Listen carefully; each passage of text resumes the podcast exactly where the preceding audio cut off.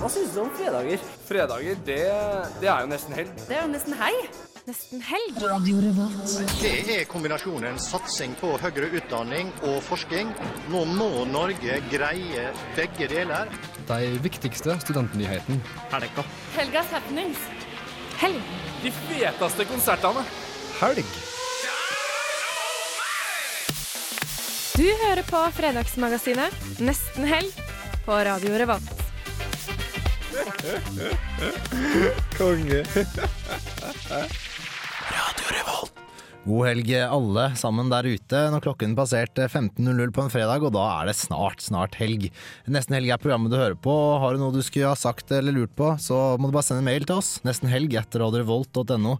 Vi har en fullstappa sending som vanlig, Olav. Blant annet skal vi ha besøk av Eivind Rindal. Ikke sant? Vi har også besøk av Rockheim. Vi får intervju av Kråkesølv og mye, mye mer. Aller først får du Pujol, Black Rabbit.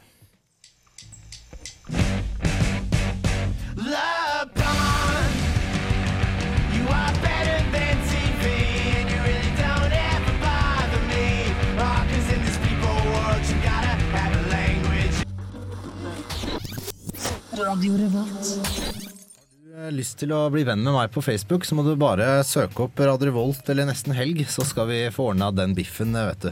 Du, nå har vi startet programmet. Velkommen eh, Olav, Nikolai Kvarme og Hanna Sture. Hyggelig at dere i hvert fall kan møte opp. Hjertelig, hjertelig. Ja, nå snakker vi munn på hverandre. Hjertelig takk. Jo, Det er god stemning. Ja, det var veldig hyggelig. Vi har jo fullstappa sending, som nevnt. Og dessverre har vi ikke med oss Tom Erik Paulsen og Line Lund denne gangen, men vi skal absolutt klare å dra i land en ordentlig sending, vi. Ja, vi er absolutt klare. Har jo masse candy på tapetet, så her er det bare å følge med. Så jeg er helt Jeg er så klar. Ja, og Tom Erik har jo ikke ligget helt på latsiden. Han har vært og intervjua Kråkesølv. Stemmer det. Så det intervjuet skal du få etter hvert eh, i denne sendingen. Hanna, du har jo også vært ute og spankulert og gjort eh, dine ting. Hva har du vært og gjort denne uken? Nei, denne uken så tok jeg meg en tur opp til eh, ei som bor i sitt, en av sitt sine leiligheter for seg sjøl, da ett rom, så jeg måtte selvfølgelig finne ut av hvordan dette var. Så eh, ja, det syns jeg du skal høre på. Det var absolutt verdt en Litt sånn der, hvordan uh, bo alene Ja, man skulle liksom tro at uh, kanskje det er ensomt, kanskje det er ikke. Det, vil, uh, det kan dere få høre om etterpå. Spennende, spennende. I tillegg så har vi også intervjuobjekt som vanlig. Hele to. Vi har glade gjester her i Nesten Helg. Vi har både Rockheim-representanten, som kommer og forteller oss litt om hva de har av skatter der ute på piren. Det gleder jeg meg til. Mm, det blir flott. Og ikke minst Eivind Rindal. Eh, Veldig engasjert eh, studentpolitiker eh, med mange jern i ilden. Ja, en sånn si. myteomspunnen politisk figur nærmest som er veldig ofte å se på talerstolen på Samfunnet, sitter i studentting osv. Det blir spennende å snakke med han etterpå. blir veldig bra. Aller først nå skal du få Så kommer selvfølgelig Under rusken med Oda Oppdal Sakkrisen. Vi skal få låt før den tid, og da blir The Gin and Tonic Youth, Hands Filled With Glue. Det er live på Samfunnet, eller opptak fra programmet Live.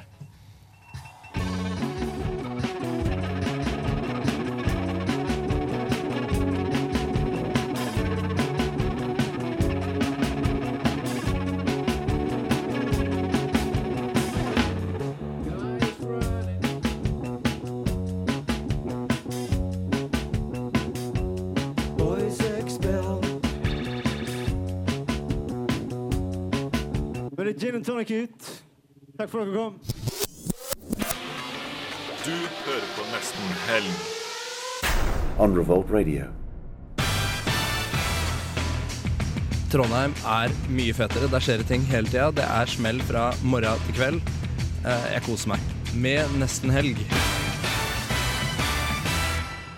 Syns du at det der opptaket der var bra? Ja, for det var faktisk et opptak. Så bør du sjekke ut eh, programmet som heter Live. Det går på torsdager 2 til 16. Eh, Og det er de gutta her som tar opp masse av de beste konsertene som er i byen. Mikser litt og trikser litt og får det til å høres så sinnssykt bra ut. Så det må du bare sjekke ut. Det var live fra Samfunnet, og det var hvilket band? Det var Gin and Tonic Youth, akkurat det bandet her. Elsker gin and tonic, ass. Ja, det var kjempebra. Eh, Du, eh, har du spørsmål til enten Rockheim eller Eivind Rindal, så må du bare sende det inn til eh, RR, med, altså med SMS. RR eh, til 2030, eller bruk en eh, mail. Det koster deg ingenting. SMS-en koster én krone. Mailen er som følger nesten helg etter radiorevolt.no. Du, nå har vi Dusken i eh, studio, eh, ved for øvrig Oda Oppdal Sakrisen. Vi har jo hatt deg i studio en gang før. Hyggelig gjensyn. Takk i like måte. Ja, hyggelig.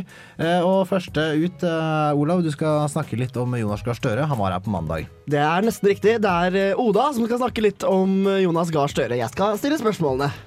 ja. For Oda, du var så heldig å møte herr Gahr Støre på mandag. Mhm. Når han var her på Isfit, og du snakker litt med han om Egypt. Ja.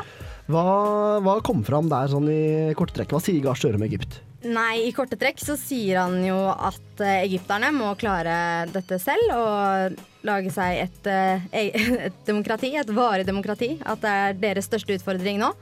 Og mm, vi kan støtte dem så godt vi kan, men dette må de gjøre selv. Ja, eh, I forhold til det så har jo hæren tatt en del kontroll eh, sånn midlertidig. Du spurte Gahr Støre om eh, hæren eh, under intervjuet, og vi har faktisk lydklipp av Gahr Støre under ditt intervju, så vi kan jo bare høre hva han sa med hans egne ord. Og jeg tror aldri de militære kommer til å være langt unna makten. Eh, egypterne er jo, eh, etter hva jeg forstår, og når jeg har vært i Egypt også ser, de er jo tett knyttet til hæren sin. Jeg tror det er den femte største hæren i verden. Men det er jo en hær som, hvis den skal opprettholde ideen om å være en folkehær, må være på parti med folket. Og det var vel det som gjorde at de da til slutt skiftet side nå de siste uker, slik at Mubarak gikk. Eh, Men spørsmålet ditt er jo da vil de slippe taket slik at eh, egypternes sivile mening og politiske mening kan få gjennomslag? Eh, og det blir det åpne spørsmålet. De som leder egyptisk her i dag, de gamle av dem iallfall, har jo ikke vært kjent som akkurat store demokrater, men kanskje kommer det forandringer også der? Med litt yngre krefter som vil se litt mer moderne på ting? Det var eh, Jonas Gahr Støre, det. Var Globus, eh, utenriksprogrammet vårt, som har tatt opp lyden. Og det var vår kjære venninne fra Dusken, Oda Sakrisen, som intervjua han. Du står her med oss i dag. Ja. Det er rart, da, gitt. Men Gahr Støre, fra, fra spøk til alvor. Gahr Støre han eh, mener at uh, hæren kan spille en veldig viktig faktor. Hvor, hvor viktig? Ja, en av de store farene er jo at de faktisk blir sittende med makten. Eh, de har jo alltid hatt et grep om makten, som han sa. Mm, og det, det er mye som er opp til dem nå. Ja. Eh, og du har også det her muslimske brorskap, eh, som er en sånn maktfaktor med i spillet om Egypts framtid. Hva er det de holder på med, egentlig? Ja, de har nå i 30 år vært eh, undertrykket, eller de har vært forbudt av Mubarak sitt styre. Og det er jo mange i Vesten, og annet Israel, ser på dette muslimske brorskapet som en stor trussel. Eh, Men så langt så svarte, eller Støre svarte at eh, de har støttet opp om opprøret, eh, og at det har vært drevet av medbestemmelse og ikke noe religiøst.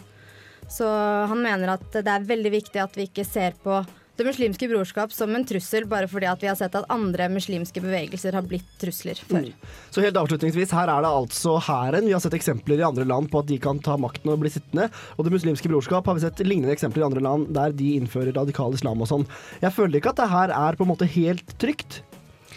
Nei, men som Gahr Støre mener at det er eh, Hvis vi ser på, ser på opprøret i Iran i 1979, så er det mye som kan ligne eh, fra opprøret i Egypt. Men han, han mener at, at eh, Egypts revolusjon er en større trussel for styret i Iran enn at eh, de kommer til å få noe muslimsk styre. Mm, Det blir veldig spennende å se hvordan det går i Egypt.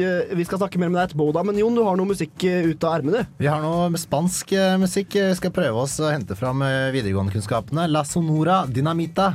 Yo soy la cumbia. Dere er dem eh, Mombata. For en uttale! Det er jo helt, eh, helt drøyt. Eh, Så det er bare å kose seg videre. Vi har deg litt i studio litt til, vi. Da får du altså Lasse Nora dinamita.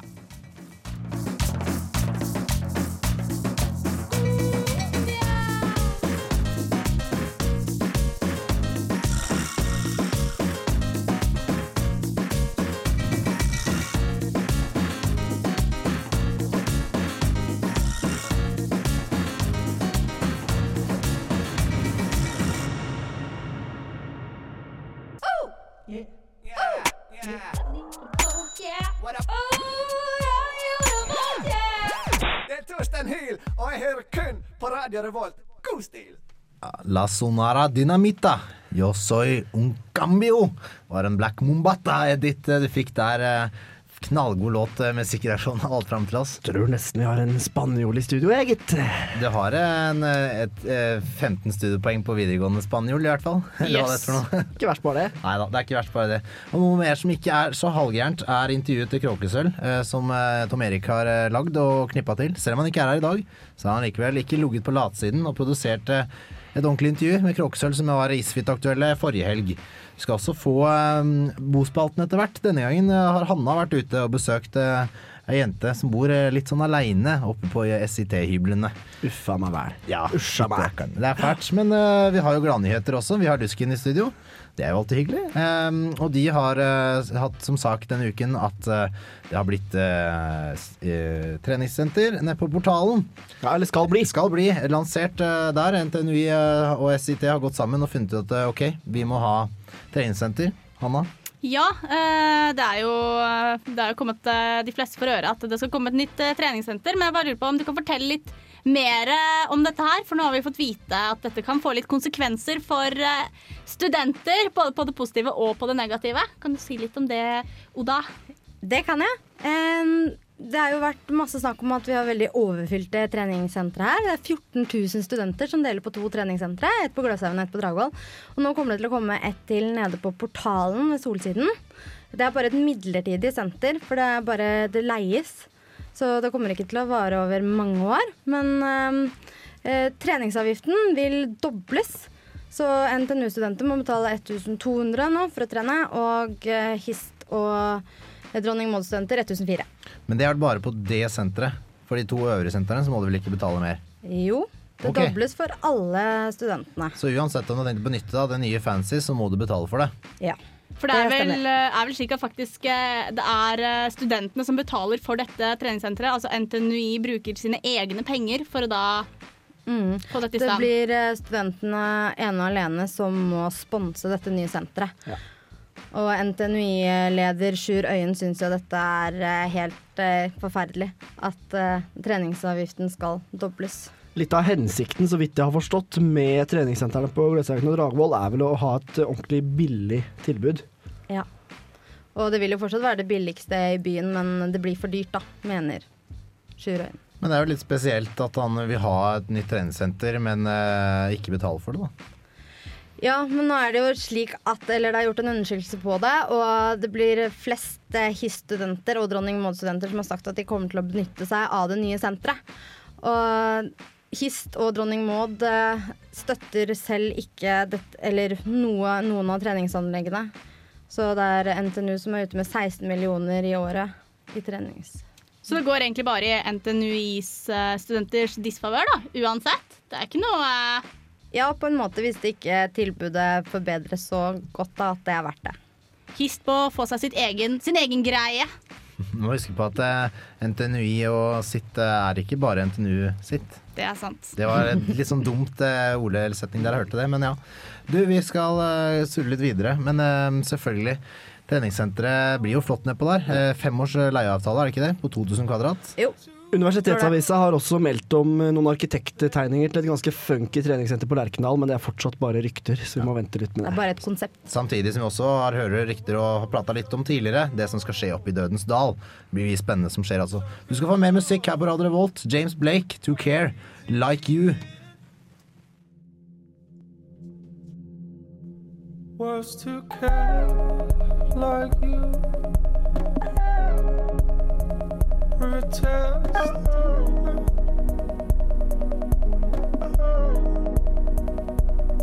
Was to care like you. Protest to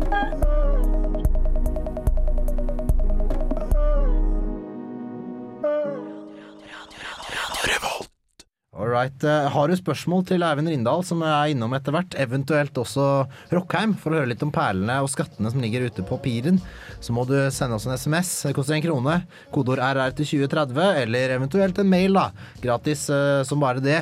Nesten helg etter Radio Revolt og vi er også på Facebook. Bare finn oss Radio Revolt eller Nesten helg. Du, etter hvert nå så kommer disse intervjuene jeg snakket om, og Kråkesølv. Med Hanna det rett om hjørnet så kommer også Bospalten. Det er riktignok Line Lund som har eh, gjort de første bidragene, men du har eh, tatt uh, Ja, jeg er jo uh, vikarierende for henne, da, så jeg tok turen til ei som bor i uh, en, et, et, en ettromsleilighet eh, som leier av sitt, og for å se litt hvordan det var. Ja, det- det blir spennende. Det blir spennende. Men aller først så får vi høre om studentenes helse- og trivselsundersøkelse som er blitt offentliggjort denne uka. Mer om det straks. Det gjør vi også. Selvfølgelig også. Kulturkalenderen kommer etter hvert, men nå skal du få Illa J. Shots.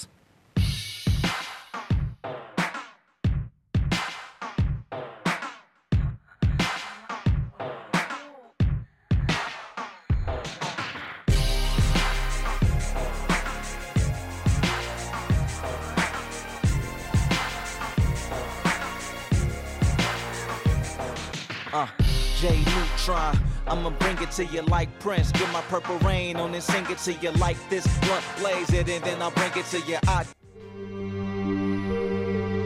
Three men, one mission, one hour, once a week. Treason, passion, love, hate. Alle elsker mandag. 4 p.m. every Monday on Radio Revolts, FM 100.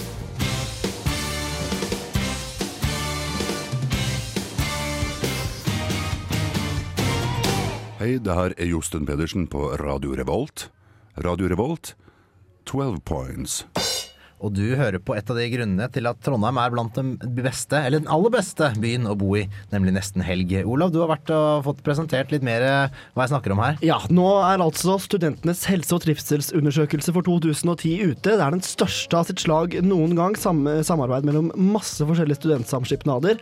Du har sikkert sett masse medieoppslag denne uka. Studentene drikker for mye, studentene har det ikke bra.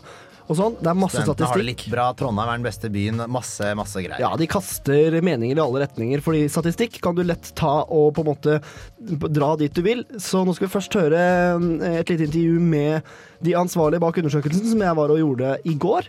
Og så skal vi snakke litt mer om det etterpå. Studentsamskipnader over hele landet har for første gang samarbeidet om en svært omfattende undersøkelse om studenters helse og velferd. Undersøkelsen ble offentliggjort denne uka, og hvordan står det egentlig til med studentene? Ikke minst Trondheim-studentene. Studentene i Trondheim har det bedre enn det som er landsgjennomsnittet, i hvert fall, og bedre enn eh, hva studentene eh, gir tilbakemelding om i andre universitetsbyer. Hva er grunnen til det? Det er særlig knytta til gode sosiale studentmiljøer, først og fremst. Truls Nedregård jobber i TNS Gallup og har full oversikt over statistikken. Hva slags stereotypier er det som ligger godt an i forhold til helse og velferd? Som ligger godt an? Ja, det er unge studenter med mange venner, og som eh, mestrer studietilværelsen godt. Og på den andre siden, hvilke er det som ikke har det så bra? Ja, Det er motsatsene. Det er unge innflyttere som er menn, som eh, ikke har skaffa seg venner og sosialt nettverk på studiestedet. Ja, det finnes altså studenter som ikke nødvendigvis har det så bra. Faktisk er studenter i langt større grad enn resten av befolkningen plaget med såkalte psykologiske symptomplager, bl.a. ensomhet og manglende mestringsfølelse. Studentene i Trondheim eh, avviker positivt fra resten av studentene i Norge, for å si det sånn først. Men grunnen til det er knytta til at eh, de er i en spesiell situasjon sammenligna med ikke-studenter. At eh, det stilles eh, større krav til dem, at de er kasta ut i en ny verden hvor de sjøl må stå ansvarlig for en, å prestere i en ny setting. Og de, eh, noen av dem plages med prestasjonsangst, eksamensangst og andre forhold som virker negativt inn på mestring av studietilværelsen, som f.eks. problemer med å ta ordet i forsamlinger osv. Starte et liv aleine. Tenke ut alt aleine. Ja, studentlivet kan by på utfordringer.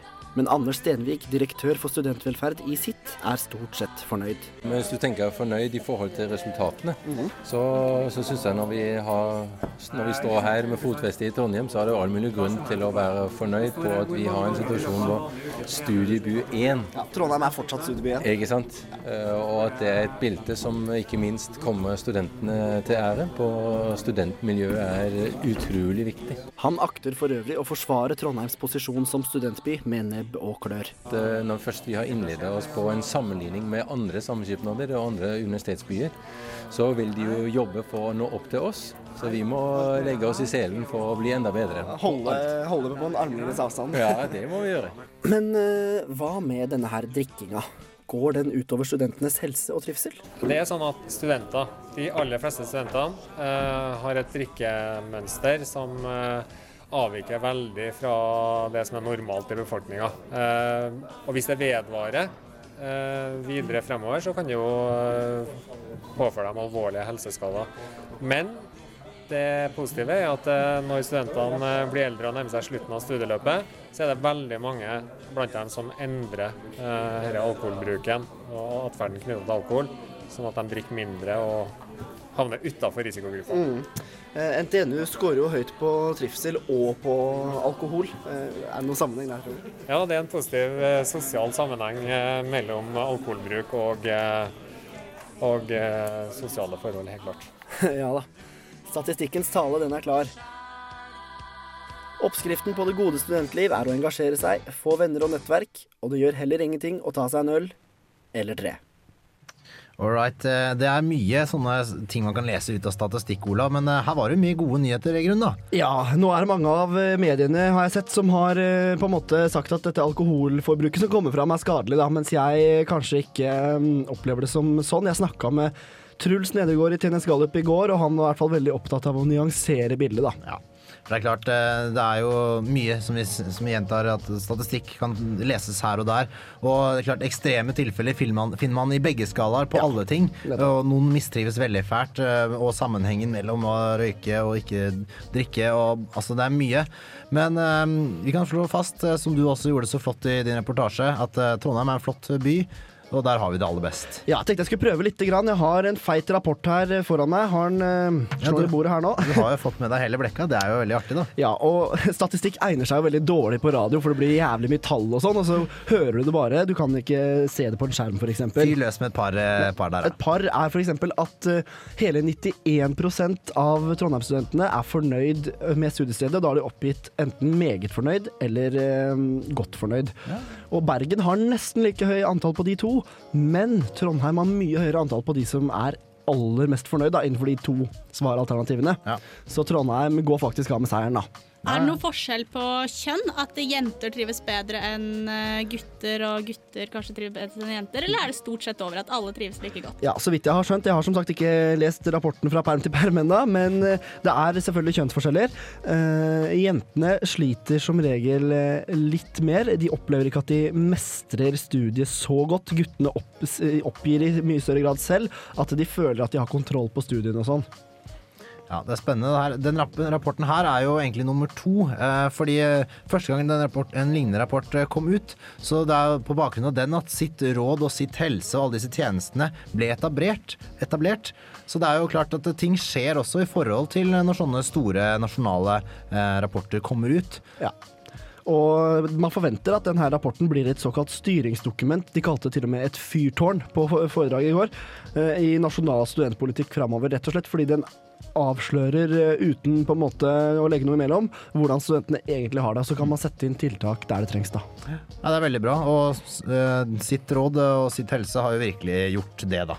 Veldig flott. Eh, tusen takk skal du ha, Olav, for at du var der. Tror du må sette punktum der. Det er så mye tall, men det går nesten i surr vet du, Ja. hvis du tar du, helt av. Du har jo vært flink og laget en nettsak, så gå gjerne inn på radiorevolt.no for å sjekke ut og lese mer, og eventuelt høre reportasjen din en gang til. Ja, og fra fredag i dag så er uh, hele undersøkelsen tilgjengelig på SITs nettsider, så det går går an å gå inn selv. Det kan du vite. Vi får snart eh, bospalte, etterfulgt av besøk på rekke og rad. Eivind Rindal kommer, og det gjør også Rockheim. Du skal få Heksvessel. The Death Njell Tolls. Myself up from the bottom of a dead lake.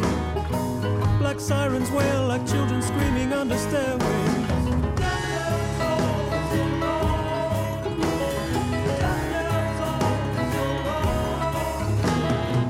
I saw my mirrored laughing skull face in eternity. Rain washed my dreams all down the drain right there in front of me.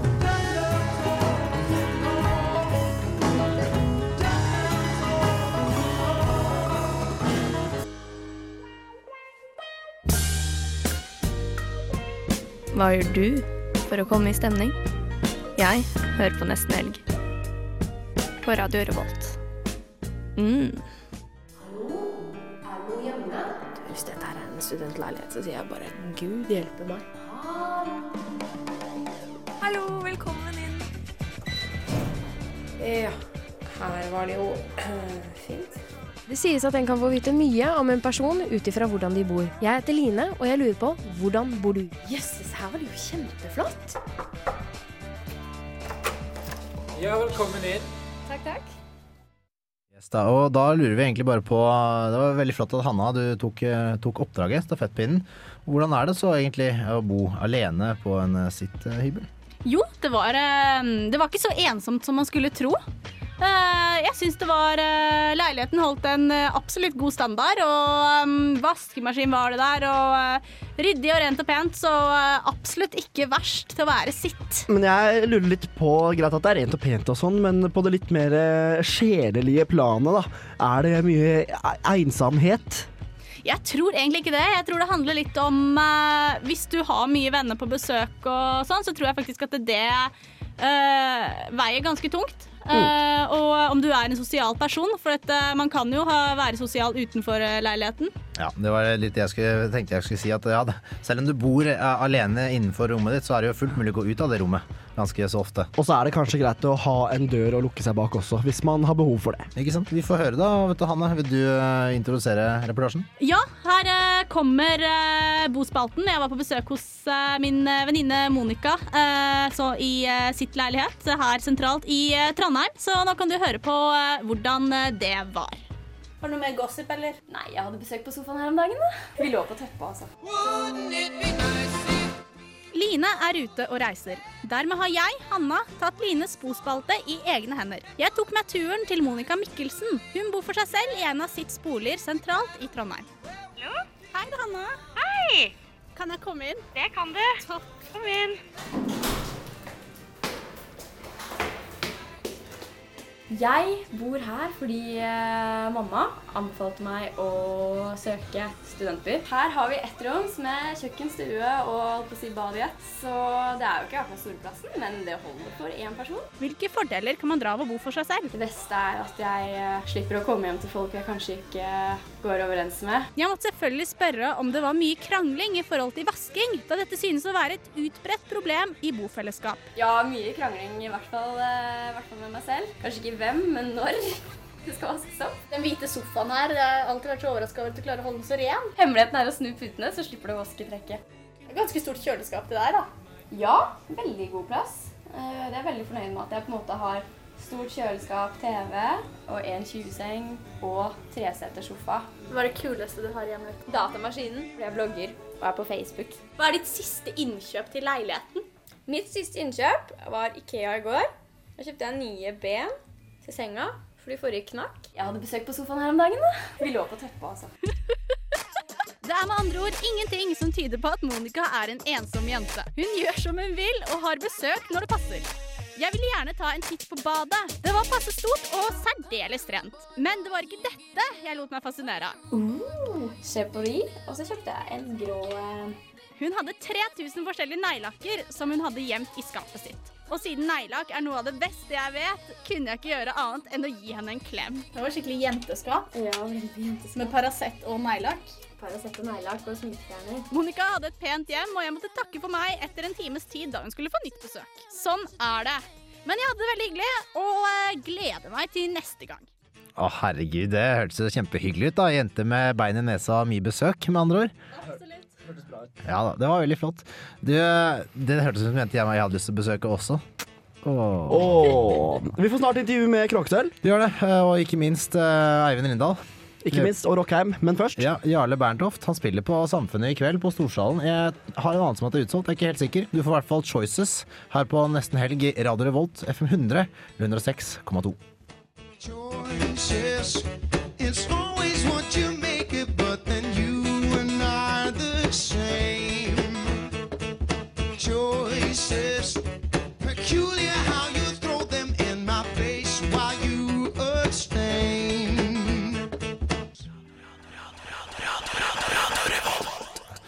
Programmet er nesten helg, og har du noe du skal ha sagt, så får du sende det inn da, vet du, på SMS-en din. Det koster en krone. RR til 2030. Eh, Tom Erik Paulsen han er en flittig fyr. Han er eh, dessverre ikke med oss her i dag. Jeg, vet ikke hva han driver på med, egentlig, men han har i hvert fall vært eh, ivrig for det.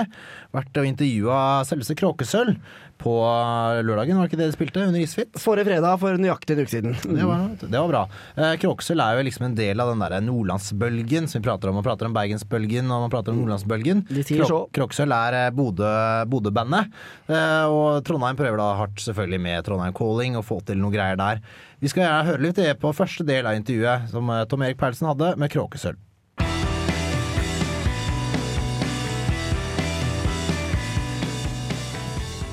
Først, jeg vil bare ha en sånn der basic eh, hvordan, hvordan det her starta. Kan eh, noen gi meg en rask innføring? Vi startet med masse forskjellige band, og så uh, ble de bandene, gikk inn i de bandene i dass, og så startet vi et nytt band, og så spilte vi konserter rundt omkring i Norges land. Ga ut et par plater, og nå sitter vi her i dag i Trondheim. Nei da. Vi Burde øve inn en sånn remse, Ja. Vi er eh, Litt-. Det er litt over tre år siden. Ja, i Bodø, by, byen vi har vi vokste opp i, i bodde i og fortsatt bor i. så møttes vi, eh, spilte i lag, laga musikk. Hva skjer nå, utover? Ja, det her er helt sykt. OK, her er det som skjedde. Alle vi har enten spilt i band i lag før, eller så er vi brødre. Eh, ja, vi, eh, vi hadde ikke noe Eller han Kristoffer spilte i ett band, men bortsett fra det så hadde vi ingen andre faste band. Og så fant vi ut faen, vi har lyst til å spille musikk, eh, for det er jo det vi gjør. Starter vi et band. Jeg hadde ikke noen andre ambisjoner enn å spille konserter og ja, kose oss. Og så har ting bare gått av seg sjøl. Mm. ja, vi har blitt plukka opp her og der, og så har vi nå ja, funnet på noen turneer, spilt noen skolekonserter, gitt ut noen plater. Ja, gjort kule ting. Andre plata kom, eh, kom før jul, eh, og da har dere teama opp med Øystein Greni. Ja. Kan dere fortelle litt om det? Hvordan har det vært? Det kan vi. Det har vært eh, Vi har fått en ny venn, først og fremst. Mm. Øgg, så vi kaller han. Vi kaller han Øgg. Him Øgg.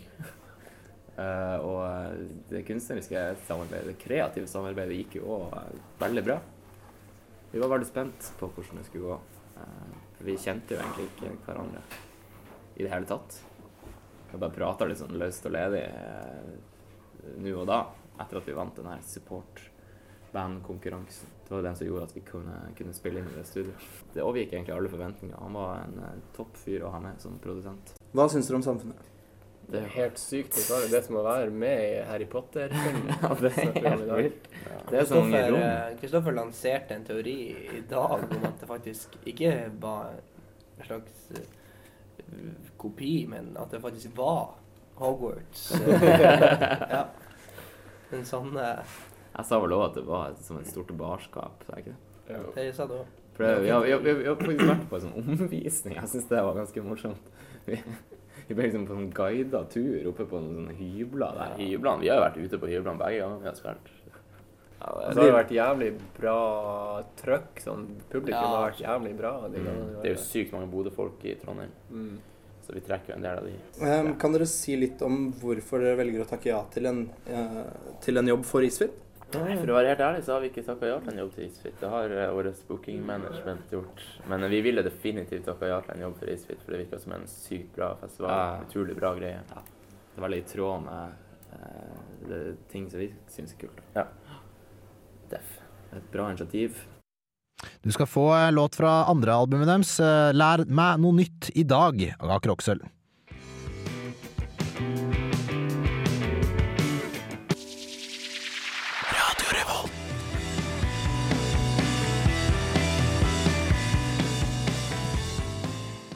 Pop.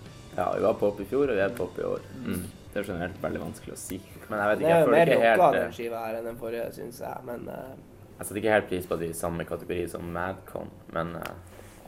Det er veldig rart. Det er ikke noe, ikke noe ondt. Sånn, jeg kjenner ikke folkene eller noen ting, men det er veldig forskjellig musikk. Er liksom, vi og I Was The King er veldig likt, Uh, og De Lillo så til en viss grad. Men så kommer på en måte Madcon inn i samme Man har så mange sjangre, eller båser, i det her spellemannsgreia. hvorfor tar ikke de turen i sånn trans hiphop Ja, eller noe sånt der? Ja, eller så skulle vi vært i noe sånn alternativ, eh, åpen klasse. Ja. Indie. Hvis, hvis, ja, hvis begge de der to er pop. ja, der har vi snakka mye om, faktisk. Uh, musikalsk, hvor henter dere musikken deres fra? Mm. Pirate Bay. ja, vi har fått eh, gratis Vimp, alle mann. Det er jo fantastisk verktøy. Men inspirasjonen?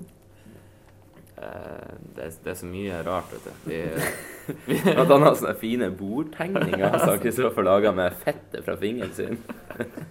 vi er veldig glad i musikk, alle mann. Og vi hører på mye forskjellig. Vi har ikke noe felles favorittband, nei, egentlig. Men vi er veldig glad for at eh, den siste singelen til Luke Star fra Oslo har blitt A-lista. Mm. For da kan vi bare skru på radioen, så kommer den på. Vi blir veldig inspirert av folk vi kjenner. Og det er også sikkert for da har vi en slags garanti for at det er ektefølt. Det er så mye lettere å eh, avsløre folk man kjenner hvis de driver på med noe kødd. Mm. Så veldig mange lokale ting. Og vi har gått på lokalrocka i mange, mange år. Mm. Blitt veldig inspirert av kompiser og andre. Um, aller sist, er det noe dere har skikkelig lyst til at jeg ikke skal spørre dere om? Uh, får Kråkesølv plass inni det hule treet attmed Nidarosdomen? Um? Eh, apropos, apropos Trondheim, eh, så har vi et tre eh, foran Nidarosdomen. Får dere egentlig plass der?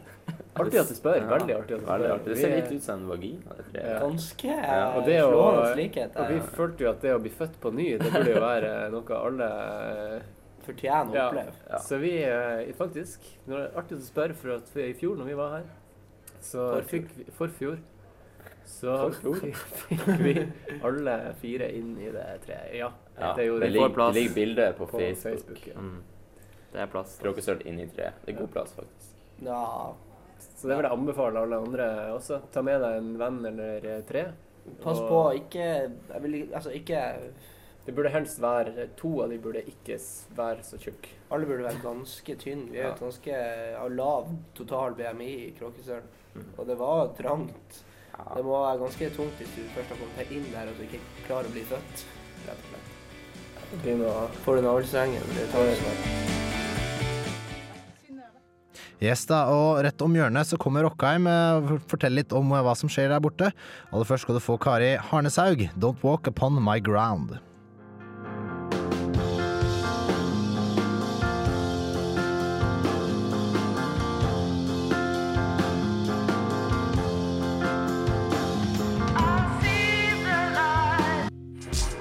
Radio Revolt the student radio station, the only sound of the nation. Only sound of the nation. Radio Revolt the student radio station, the only sound of the nation. Yeah.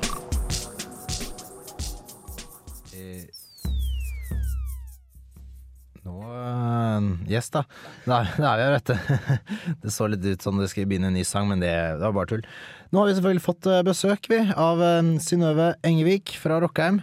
Hei, velkommen til deg. Tusen takk. Ja, Det var kjempetrivelig at du ville ta turen innom. og eh, Grunnen til at du er her, er jo fordi du er, eh, holder på, jobber på, på Rockheim og skal fortelle oss litt om hva som skjer der borte, og begynnelsen, og hva som er å oppleve der borte. Olav, eh, du vil kanskje hjelpe oss litt videre? Det vil jeg, vet du. Hjertelig velkommen først og fremst. Og så mm, lurer jeg alle først på, er du travel om dagen? Det var nesten så vi ikke visste om du kunne komme. Ja, det, det er full fres hele veien. Hva er det dere holder på med da, når det er så full fres? Mm, ganske nylig, det var vel 10. eh, februar nå, så åpna vi en eh, flunkende ny utstilling som vi har produsert helt sjøl, bare interne egentlig, på huset. Som omhandler jukeboksen. Jøss. Og dens på en måte stilling og historie og Ja, det er forskjellige tem tematiske innfallsvinkler. Det er liksom både design og på en måte det, eh, den biten. Estetikken. og så er det det teknologiske. eh, hvordan den har utvikla seg fra liksom 40-tallet fram til i dag. Eh, og og eh, liksom i forhold til sosiale medier og musikk og, og sånn der, da. Kjempekult. Jukebox er jo stilig i seg selv. Er det, Fins det noen norske jukeboxer? For dere er jo et norskt rocksenter. Eller er det mer sånn internasjonalt? Åssen er det? Nei, det er nokså internasjonalt. Nå eh, spør du egentlig feil person, for jeg har ikke jobba så veldig intenst med akkurat den utstillingen. Men uh, jeg tror nok at det er veldig Det er Wurlitzer og Rock-Ola som er liksom de to uh, hovedprodusentene. Mm, Det er de store i bransjen. Vi skal snakke mer om eh, hva som skjer etterpå, men aller først for de som av en eller annen merkelig grunn ikke skulle vite det, helt kort, hva på en måte hva er Rockheim for noe? Rockheim er det nasjonale opplevelsessenteret for pop og rock. Så det er rockemuseum, norsk rockemuseum. Ja. Og vi har eh, Vårt mandat er å samle inn og bevare og videreformidle norsk eh, pop- og rockhistorie fra 1950 og fram til i dag. Så det er eh, den eh, ordentlige popperioden. Det er ikke noe klassisk og sånn. Nope. Kjempekult. Ikke jazz heller. Sånn gjennom et helt år, hvor ofte er dere bytter utstillingen deres? Eller er det mange forskjellige gjennom hele året, eller er det f.eks. bare to stykker? Eller hvordan er, det, hvordan er det dere legger opp det der? Vi har en stor eh, hovedutstilling oppe i toppboksen der, eh, som, eh, som er permanent, og som vil være sånn som den er nå, med en del oppgraderinger, selvsagt, i en del år, eller iallfall kanskje tre. Uh, og så I tillegg, i fjerde etasjen, så har vi ganske stort utstillingslokale for midlertidige utstillinger. Og der kommer vi til å ha nye uh, tilbud sånn kanskje to eller tre, tre ganger i, i året, da. Som er ganske store utstillinger, men så i tillegg så vil det være masse aktiviteter på huset. Mm. Utover det her med jukeboksen, hva er det dere har uh, nå? Uh, nei, det er i hovedsak jukeboks jukebox akkurat nå, da. Mm. I tillegg til hovedutstillingen og liksom mediateker og disse forskjellige aktivitets- eller opplevelsesrommene. Eh, det Hva, er konserter. hva, hva er det du kan oppleve i de aktivitets- og opplevelsesrommene? Det lurer jeg litt på. Ja, det er ett rom som er dedikert til hiphop, der en kan eh, eh, remikse låter. En kan eh, eh, jobbe med Tommy T sitt, eh, sitt originale liksom, turntable-ting. Og så kan en teste graffiti eh, på vegne våre. Så det er ikke bare men, musikken, det er på en måte hele subkulturen som er med her. alle de fire elementene innen hiphopen, for det er òg dedikert til breakdance. det. Det Eh, og det er også veldig interaktivt, da, forstår jeg, siden du kan mikse litt selv og Mm. Og så har vi et uh, annet aktivitetsrom som er dedikert til det mer den, den klassiske delen av rocken. Der kan en få, der kan en få en slags kurs i, uh, i uh, gitar, uh, rock-riffing av eh, Ronny Letekre. Det er jo helt uh, konge. Så det er ikke bare sånn gammel uh, museumsopplevelse der du går og kikker på veggen. Det er, du er sånn at du er med og spiller og sånn. Ja, det er veldig interaktivt og brukerstyrt. Stilig. Vi skal snakke mer med deg etterpå, men Jon, du har noe musikk, du? Det har jeg, vet du. Jeg har funnet fram Einar Stray. Your heart isn't at heart.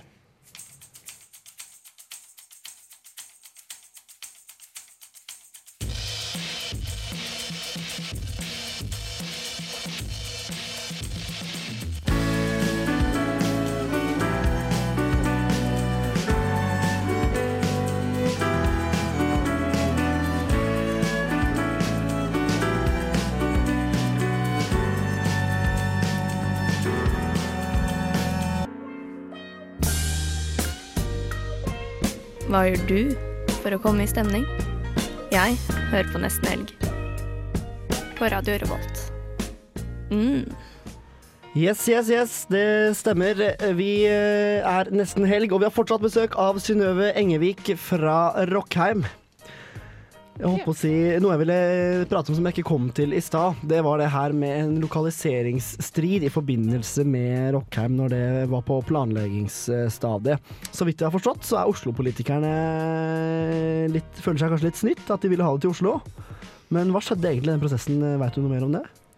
Uh, nei, jeg veit ikke helt om jeg uh, vil uh, utdype det i så stor grad. Det var jo liksom et politisk vedtak, og, og um, vi er jo veldig veldig glad for at det havna i Trondheim. Ja. Vi hadde jo Trond Giske som kulturminister på det her tidspunktet, og han er jo trønder, som vi alle vet, så kan vi jo bare spekulere, da. I hvert fall for uh, min del. Men nå er altså Rockheim på Piren. Det er den der lyse, lysende kuben som man kan se på natta. Veldig stilig arkitektur, da, for øvrig. Mhm. Det ser jeg. Ja, og hva er planene utover våren nå? Hva er det vi kan få forvente? Ja, som sagt så har vi en svær, svær hovedutstilling som eh, hvis en ikke har sett den, så, så løp og kjøp. Den eh, tar for seg norsk pop og rock fra 1950 og fram til i dag. Og eh, i tillegg så har vi en, en eh, midlertidig utstilling som omhandler jukeboksen i fjerde etasje. Um, og så vil det bli en god del forskjellige aktiviteter og formidlingsopplegg rundt den, eh, den utstillingen. Som, så da vil bli liksom Ja, uh, å se på på måte nettsida vår. går det ut på? da? Formidling i forbindelse med jukebox? Eh, nei, det er f.eks. et prosjekt som er en masse satellittutstillinger. Ehm, hvis du har en jukebox, eller hvis det er en kafé eller et eller annet som har en jukeboks rundt omkring i det ganske land, så kan en rapportere det til oss. Og så vil, vi, vil den jukeboksen på en måte ta del i vår utstilling her, samtidig som at vi vil henge opp en eh, plansje på den uh, kafeen ved den jukeboksen, eh, med en del eh, facts om den, Uh, og en, liksom en utstillingsplakat og sånn. Mm, så det er ordentlig sånn registrering da, av jukeboxer? Ja, det er ja, mest eh, Mm. utstilling, da. For dette, vi er jo liksom avhengig av at eh, folk kontakter oss. Og det blir ikke sånn komplett registrering, nei. Men Men det er lov å prøve. Eh, er det noe annet sånn som du kan eh, lette på sløret rundt hemmelighet omkring kommende utstillinger?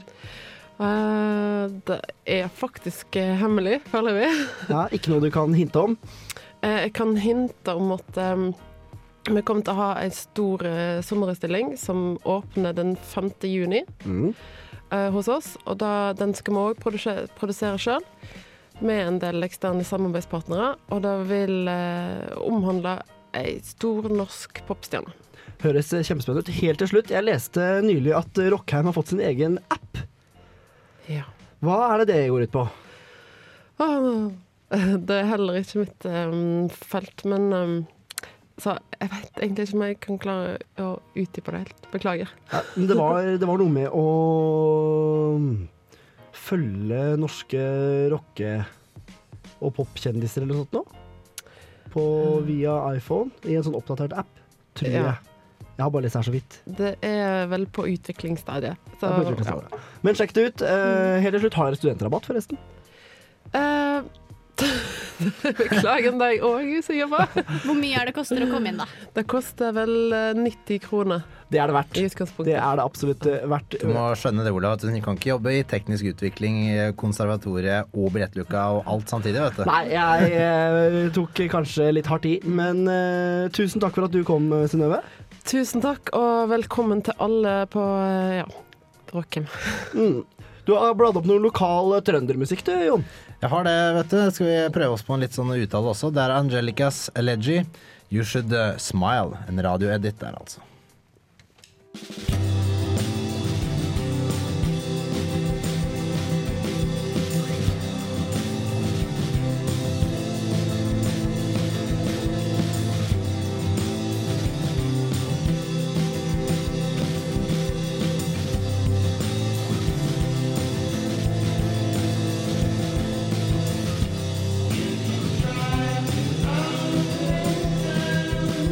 Yes, da, da har vi tilbake igjen, og vi har fått besøk igjen, vi. Vi er jo så glad i besøk her i Nesten Helg denne gangen, av en meget engasjert og aktiv mann.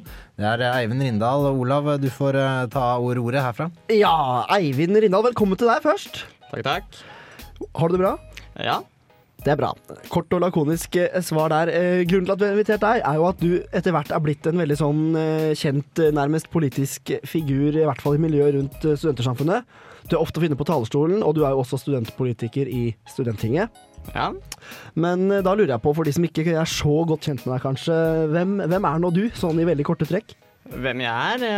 Ja, jeg er jo en av disse engasjerte samfunnsdebattantene, da.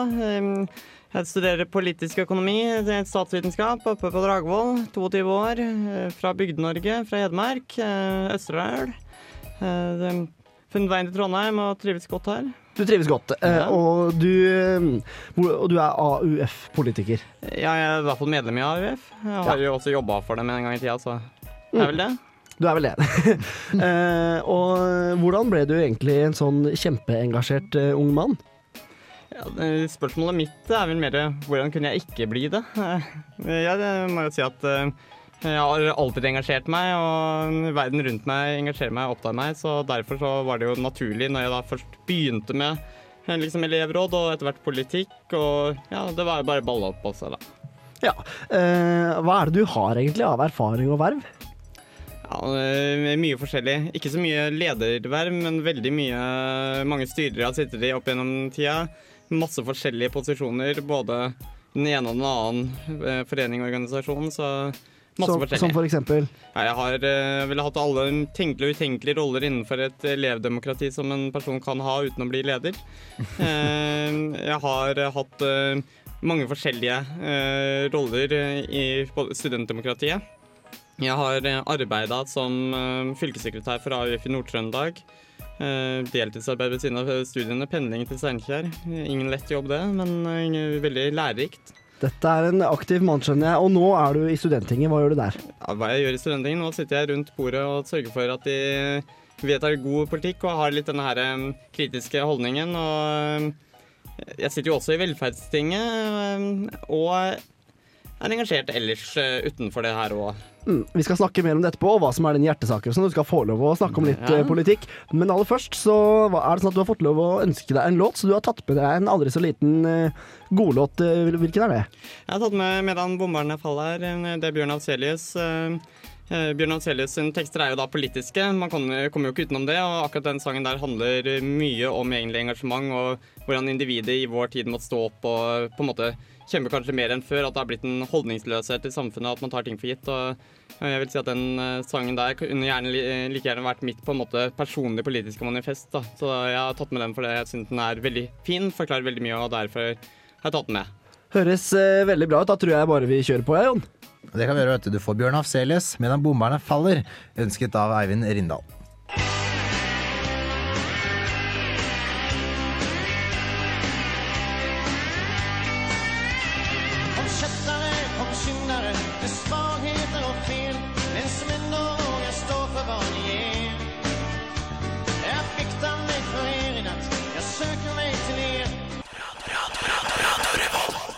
Der fikk du rimelig heftig um, visesang til jeg påstå av Bjørn Afselius. Det var jo nesten ågetakter over det hele. Veldig tøft. Med deg bomber det faller. Eh, over Palestina, riktignok. Eh, litt sånn eh, anti-islamisme Nei, islam ute å finne. Nei, islam, sier jeg. Israel. Ja. Kanskje.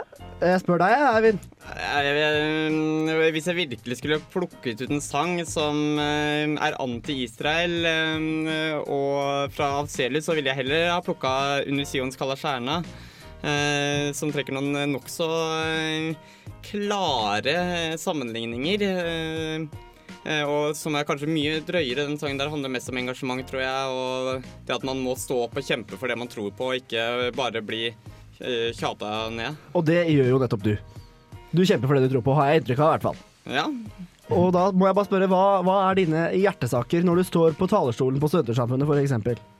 Min eh, virkelige hjertesak er at folk skal begynne å tenke mer over, eh, over det samfunnet de faktisk lever i, og hvilket samfunn ønsker de å leve i, og hvordan, hvordan er det vi faktisk innretter samfunnet rundt oss. Eh, eh, det høres veldig sånn vagt ut, men Ja, da må jeg spørre, hva, hva, hva er galt med dagens samfunn?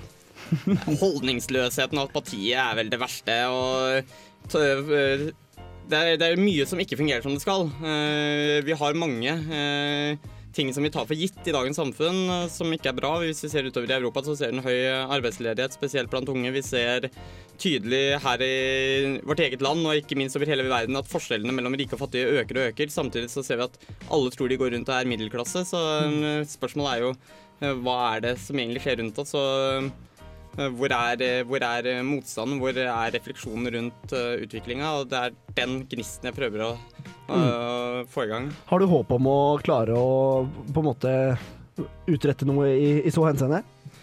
Man har jo alltid et håp om å prøve å få til uh, noe endring, men man, man vet jo ikke mm, ja, det- jeg tror at hver person som man greier å få, få til å våkne opp og til å se at uh, verden er mer kompleks. Verden er ikke så enkelt som det kan se ut som på forsida av VG og Dagbladet. Verden er mer, og den som greier å se det, den uh, har potensial i seg til å få til en endring. Og når folk våkner opp, uh, står opp og kjemper for det de tror på, så kan bemerkelsesverdige ting skje over natta, sånn som vi ser i Egypt nå, f.eks. Mm, eh, avslutningsvis, noe litt aktuelt. Du eh, stilte jo som motkandidat mot eh, Erling Kjelstrup på ledervalget på Samfunnet.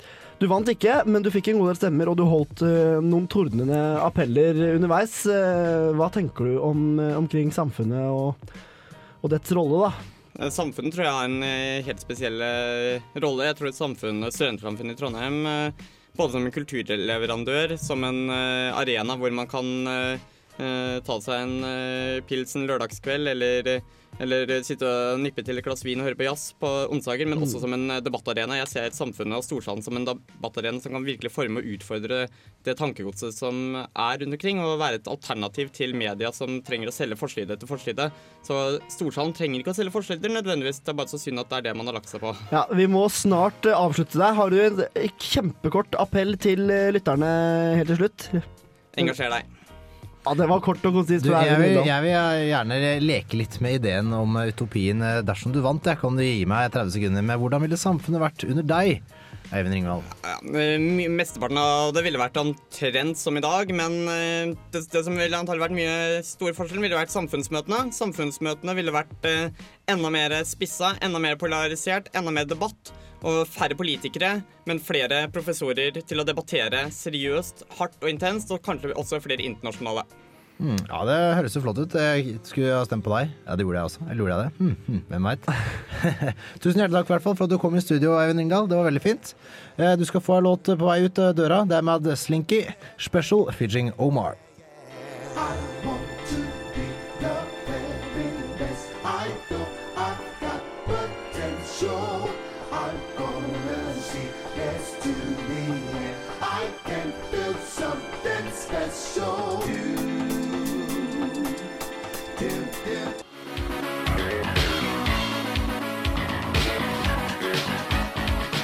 Hei! Hør på Kontroll Alt Elite onsdager fra fem til seks og få et ekstra liv. Eller last oss ned på iTunes og radiorevolt.no.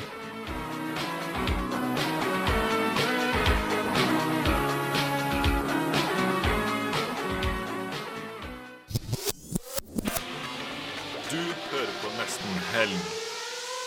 on Revolt Radio. Trondheim er mye fetere. Der skjer det ting hele tida. Det er smell fra morgen til kveld. Eh, Jeg koser meg. Med nesten helg. Og da kan du få høre hva som skal skje i helgen med Hanna Sture. Ja, eh, takk for det, Jon. Eh, 1930 kveld så er det, skjer det på Trøndelag Teater. Det er et dukkehjem. Det går fortsatt. Det, Herregud, jeg syns det har gått hele tida. det går enda. Eh, nå er det en annen, eh, et annet eh, stykke som også kommer. Det handler om eh, Eller det er en samling gjøglemonologer der en skuespiller spiller mange forskjellige karakterer som møter hverandre i diverse konflikter. Eh, jeg tror det kan bli kult. Det er med Hans Petter Nilsen på Theatercaféen i kveld. Eh, klokken 20, som eh, sagt. Billett koster enten 150, 180 eller 200. Det kommer helt an på hvem du er. Hvis man ikke vil på teater, hva gjør man da?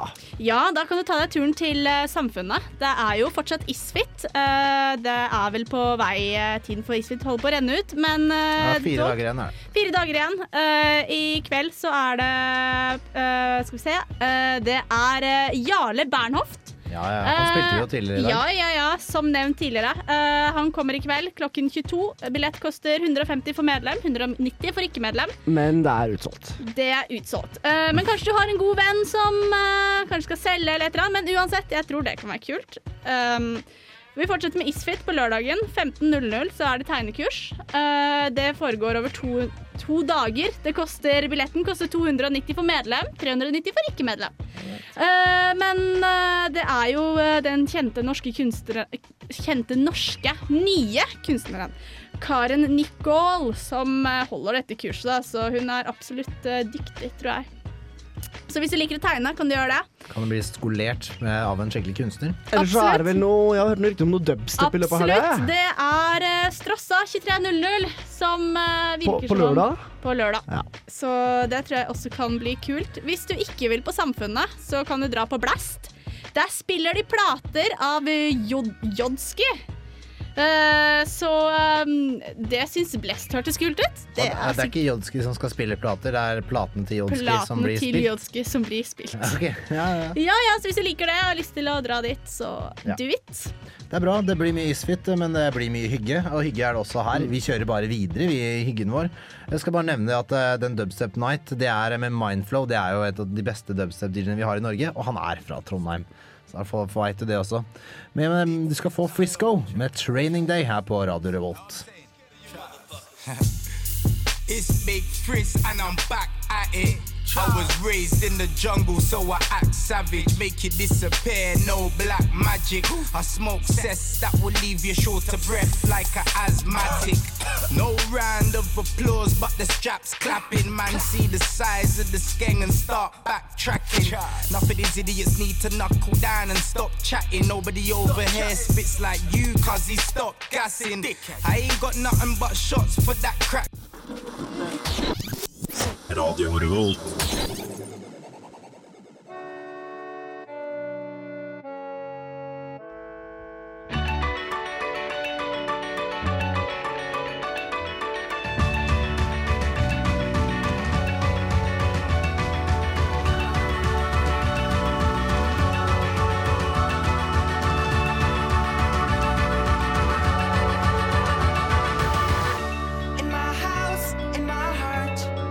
Da etter Frisco Training Day så fikk du eh, Team Me med låta Dear Sister på Radio Revolt. Eh, Da er vi eh, faktisk begynner å nærme oss slutten, folkens. Skal... Klokka er ti på helg, den. Ja, ti på helg. Nå er det faktisk snart helg. Vi kan uh, egentlig si at den begynner med en gang vi er ferdig med å prate litt nå. Vi skal uh, ta, så, ta litt tilbakeblikk uh, på hva vi har hatt i sendinga. Den har vært fullstappa som vanlig. Vi hadde jo besøk av Oda, da, selvfølgelig, i eh, Dusken. Oda Oppdal Sakrisen, hjertelig tusen takk til henne. Ja, det er veldig hyggelig. Hun har vært her nå to ganger, og vi prata bl.a. om eh, Egypt, eh, hvor hun hadde vært og fått eh, ti minutter med Jonas Gahr Støre på mandag. Det Er ikke alle som får det? Nei da. Så snakket vi om det nye treningssenteret til sitt. Som blir veldig dyrt.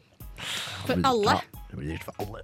Og dronning Maud og Hist hadde ikke lyst til å være med, hadde de meldt. Det er drama å spore, altså. Ja, så det blir litt sånn eh, kinkig, den der og der. jeg føler jo NTNU burde på en måte banke småsøsknene Hist og DMMH, hvis han, hvis han vil. Men det er jo ikke Ja. treningssenter for NTNU. Det må vites. Det er på en måte sitt. Det er alle studenter i Trondheim eh, får lov til å trene og styre. Så det blir litt så vanskelig det der. Og Sjur Øyen ville ikke at vi skulle betale noen ting, men prisen går opp. Men ellers, da? Hva annet har vi gjort? Vi har snakka om eh, studentenes helse- og trivselsundersøkelse. Kjempestort samarbeid med alle samskipnader du kan tenke deg, nesten. Og masse statistikk som er i en feit blekke du kan laste ned på sitt.no hvis du vil vite åssen det egentlig går med den norske student.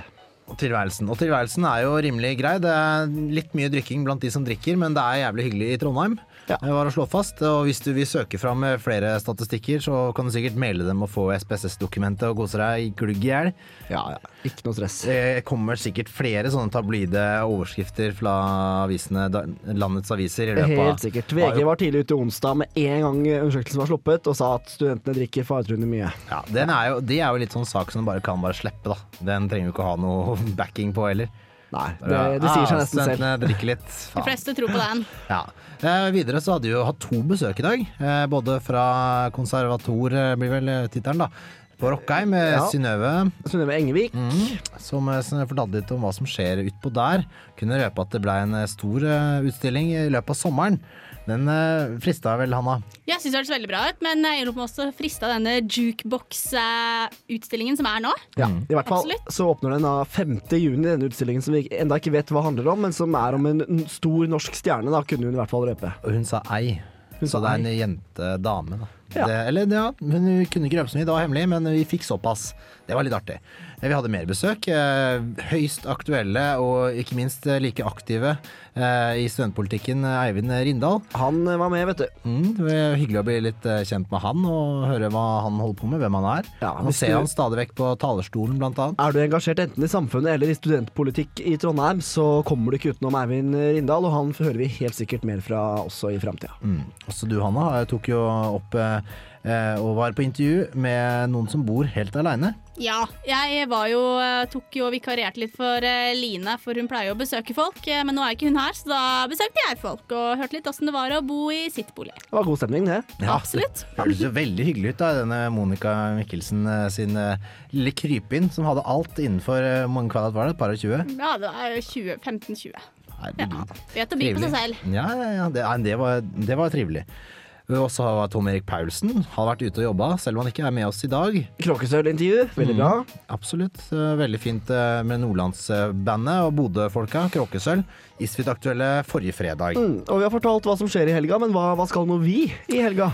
Jeg eh, skal en liten tur eh, i marka i morgen. Jeg blir med deg, Jon. Jeg Ja, blir med. Det er hyggelig. Jeg har hyggelig funnet ut at jeg har ski. Jeg sto bare i boden til der jeg bodde før. Ja, ikke sant? Siden, eh, siden du ikke hadde skia dine her oppe, Hanna. Kjipt, da blir det shopping. Men det må jeg Å, det hørtes veldig kjipt ut. Ja, å, du skulle sett det gliset glise der, kjære lytter. Ah, kjipt, ass. Da får jeg dra og shoppe litt, jeg, da. Å nei. Men jeg er glad i å stå på skia, da. Ja. Særlig.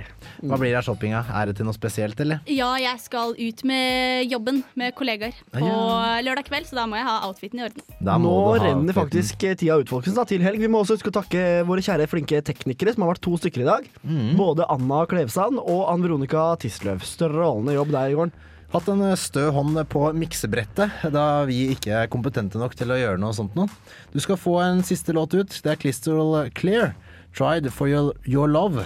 Eh, Det er bare å si god helg.